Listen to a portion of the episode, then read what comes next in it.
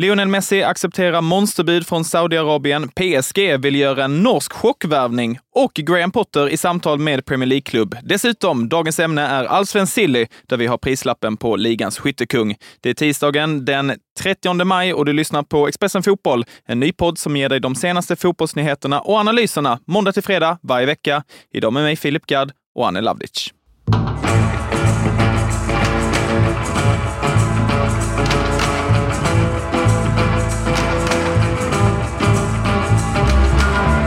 Lionel Messi ser ut att vara förlorad för PSG. Argentinarens kontrakt med den franska storklubben går ut i sommar och nu ska hans framtid avgöras. Den franska sajten Foot Mercato skriver att Messis entourage med hans bror och pappa i spetsen har accepterat saudiska Al Hilals bud. Det skulle ge Lionel Messi hela 14 miljarder svenska kronor om året i två år. Mer än dubbelt så mycket som Cristiano Ronaldo tjänar i samma land. Tror du att det här kommer hända, Anel? Ja, men alltså alla initierade uppgifter som vi har har att ta ställning till pekar ju åt det hållet att han eh, tar sitt pick och pack och gör Ronaldo sällskap i den ligan. Eh, så att eh, av allt att döma så verkar flytten bli av. Personligt så tycker jag väl att det är lite tråkigt att Eh, två av våra största stjärnor i modern tid eh, slutar upp i samma liga i Saudiarabien. Det är väl någonting som jag kanske inte hade räknat med. Utan sen är jag lite mer nostalgisk av mig och gärna vill se de här uh, stora spelarna avsluta i en klubb de är förankrade i. Så att jag hade gärna sett Messi i Barcelona en sista gång. Men uh, Cash is king och eh, det verkar ju bli Saudiarabien här eh, för eh, Leo Messi, tyvärr. Ja, samtidigt så är inte hoppet helt ute för Barcelona. Eh, Messi ska själv enligt uppgifter då vara sugen på en comeback till eh, Spanien och Barcelonas tränare Xavi var själv ute på en presskonferens häromdagen och sa att han gärna ser Messi i Barcelona igen. Vi får se vad som händer.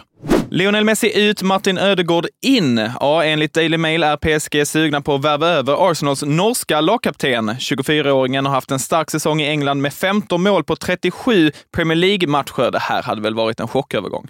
Ja, minst sagt. Han har ju varit eh, en av centralfigurerna i Arsenals projekt eh, sedan han värvades dit och skulle vara lite förvånad om de släppte honom så här tidigt eh, med tanke på hans betydelse för laget. Samtidigt, Barcelona lockar oerhört mycket. Han har varit i La Liga förut också i både Real Madrid och Real Sociedad. Och eh, kanske att det blir PSG nu då, liksom det fjärde storlaget då, eh, om man får uttrycka det så.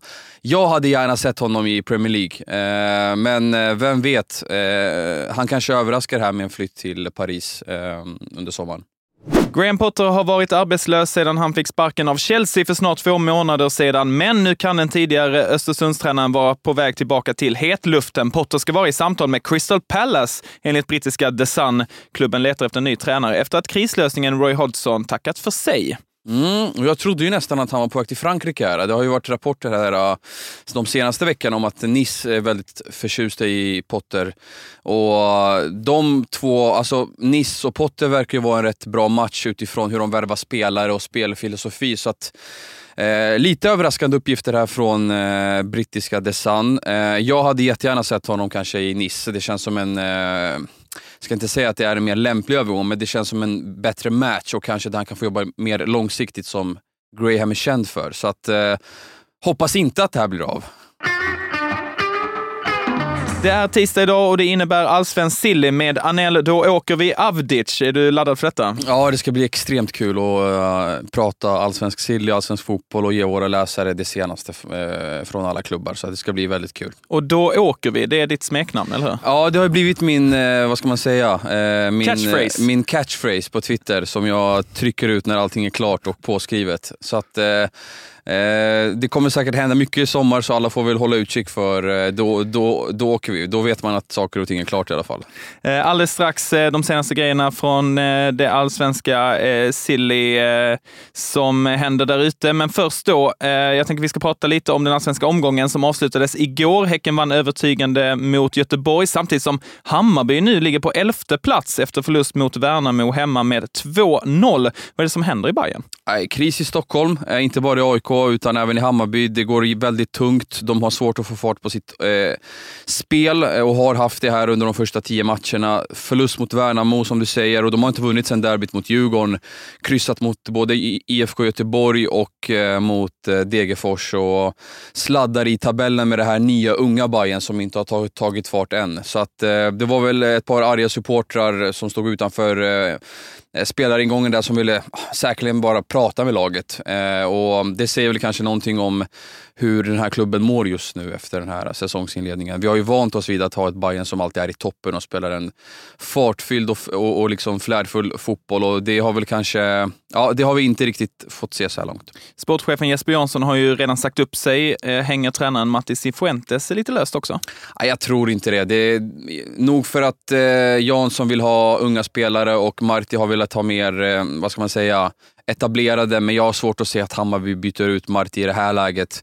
Är det någonting som är den trygga punkten i Hammarby just nu så är det väl Marti och till viss del von Yxkull och Micke Hjelmberg som, som har varit i klubben väldigt länge. Så att jag tror inte att de vill, de vill nog ha så få förändringar som möjligt. Eh, men såklart fortsätter det så här eh, i en väldigt lång tid framöver, då, ja, det finns ju en smärtgräns alltid.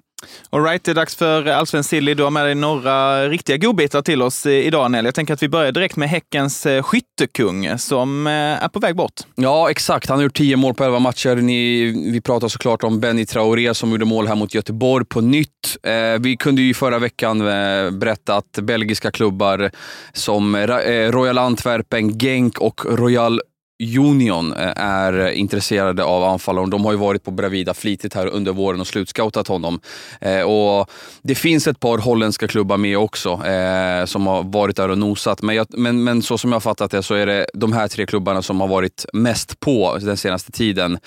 Eh, och ja, Allt talar ju för att han blir såld här i sommar eh, av Häcken.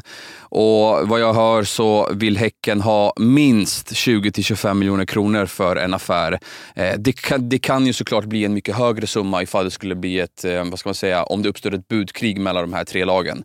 Men eh, vad, det verkar just nu så är det fall, det är, i, i, det är väl någonstans i den regionen som man siktar på och jag tror nog också att en affär kan bli av ganska snabbt i det här fönstret. Så att, eh, håll utkik.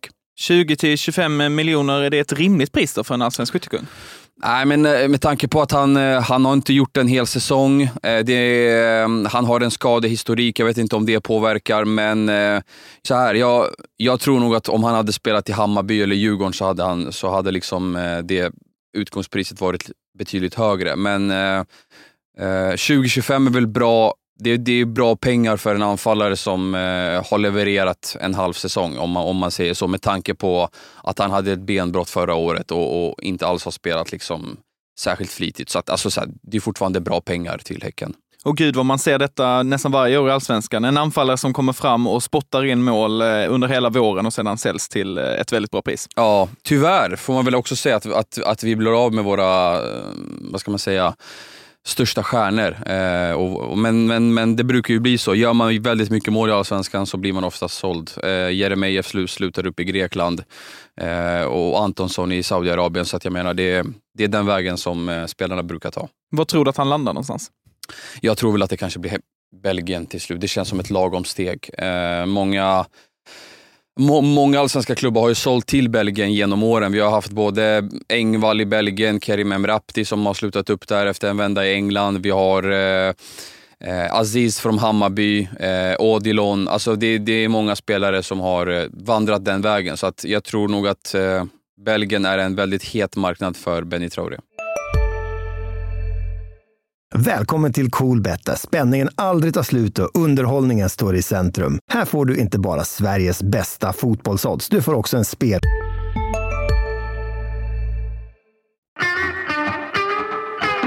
Vidare till eh, Djurgården, vad hände där? Ja, det var ju eh...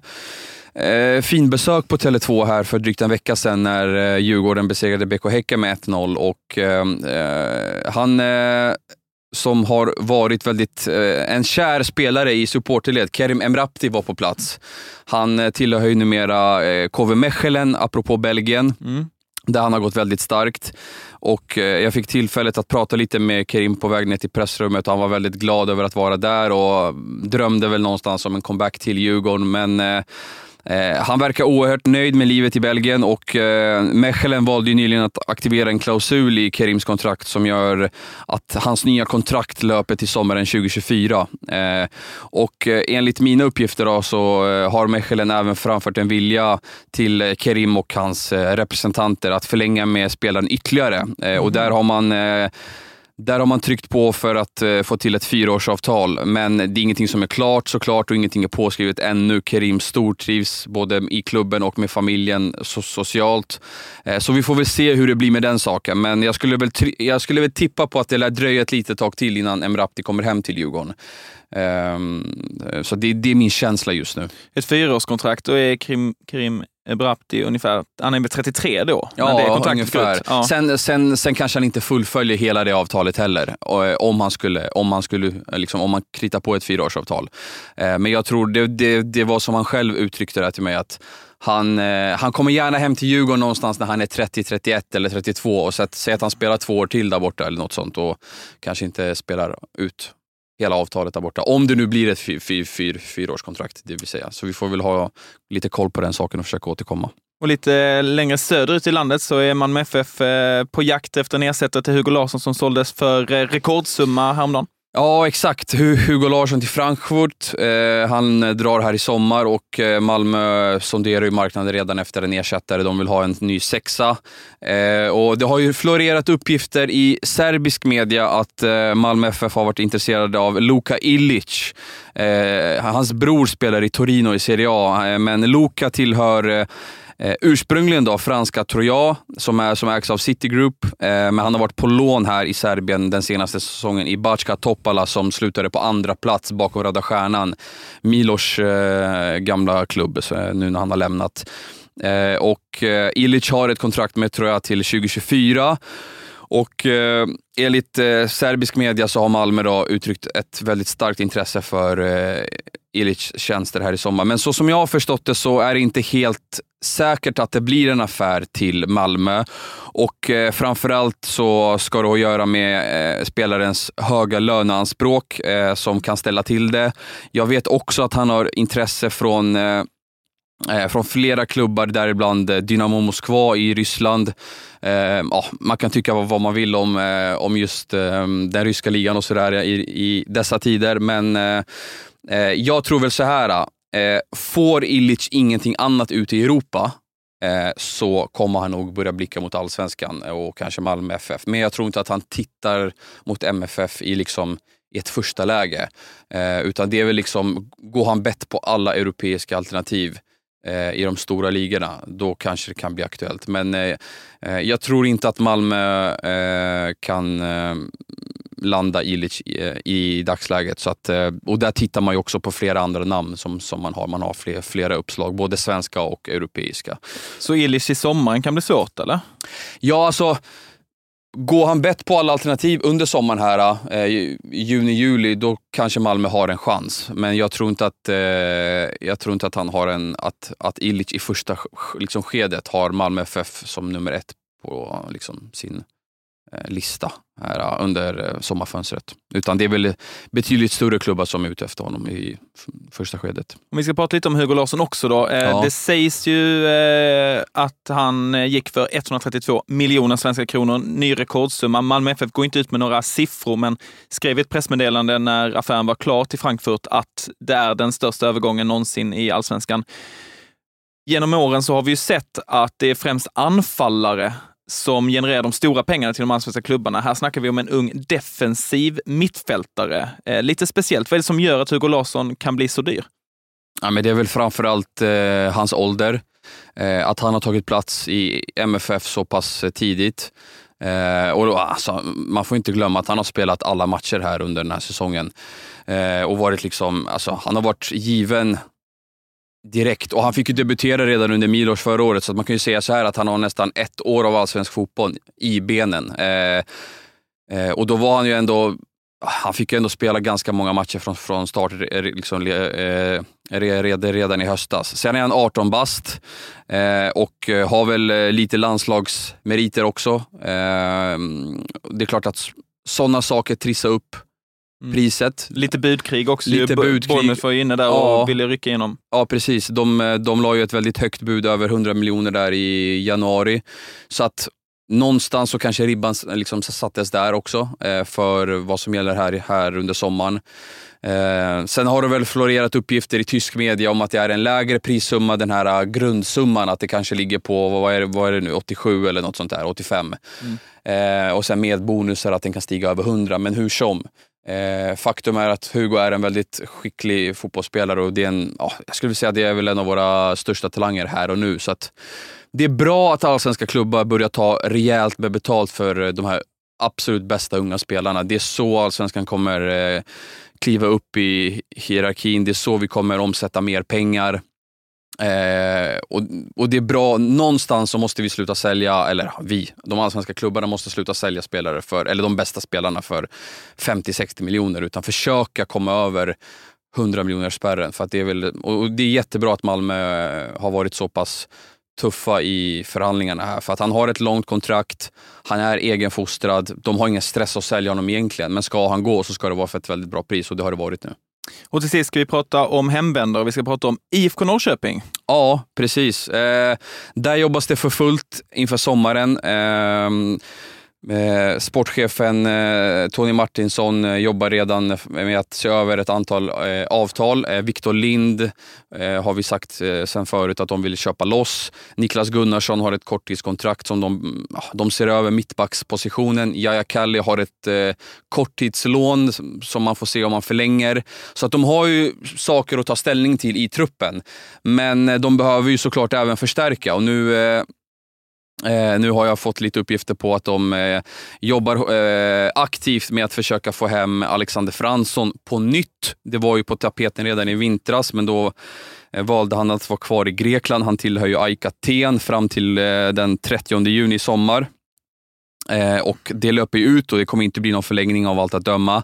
Och eh, Peking eh, jobbar väldigt hårt på att locka hem Fransson och har liksom tagit höjd för det i truppbygget när de, liksom har, när de kalkylerar för vilka spelare de kan gå för, vilka positioner de, de behöver förstärka. I alla de här planeringarna har man med Fransson. Eh, man ser honom som en eh, given eh, startspelare och det kan även bli aktuellt med att man säljer någon central mittfältare. Så att säga, det finns plats för honom, det finns utrymme rent numerärt om man säger. Och sen finns det alltid såklart plats för en hemvändare av Franssons kaliber med tanke på hans historia i klubben. Så att jag skulle inte bli förvånad om, eh, vi, får, om vi får se Fransson i Norrköpingströjan här under sommaren. Eh, för att han, eh, sen, sen eh, alltså sportchefen Tonna, det är ju hans morbror. Så att mm. de eh, för ju samtal. Eh, Finns det inte läge för svågerpolitik här? ja, kanske. Nej, men skämt åsido. Jag passade på, jag var ju på Norrköping-Elfsborg här i förra veckan och frågade mm, Tonna lite grann om om Fransson och då sa han att han som morbror, då, då pratar de väl så som han sa. Mm -hmm. eh, men han menade på att eh, de inte har gjort några officiella framstötar, men jag vet att de har varit där och liksom, de har varit väldigt tydliga med att de vill ha hem honom. Så att eh, Norrköping till eller Fransson till Norrköping kan mycket väl hända här under sommaren. Så håll ögonen öppna där. Ja, Spännande. Eh, det händer mycket i eh, det allsvenska sillit och eh, varje tisdag här i Expressen Fotboll så kommer du, Anel, hit och berätta om de senaste ryktena och övergångarna. Det är vi väldigt glada för. Tack för idag, Anel. Tack vi hörs snart igen. Det gör vi faktiskt. Och glöm inte ni som lyssnar på den här podden att prenumerera på Expressen Fotboll så ni inte missar några avsnitt. Vi hörs imorgon igen.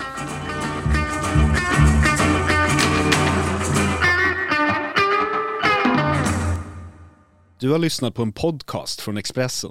Ansvarig utgivare Klas Granström.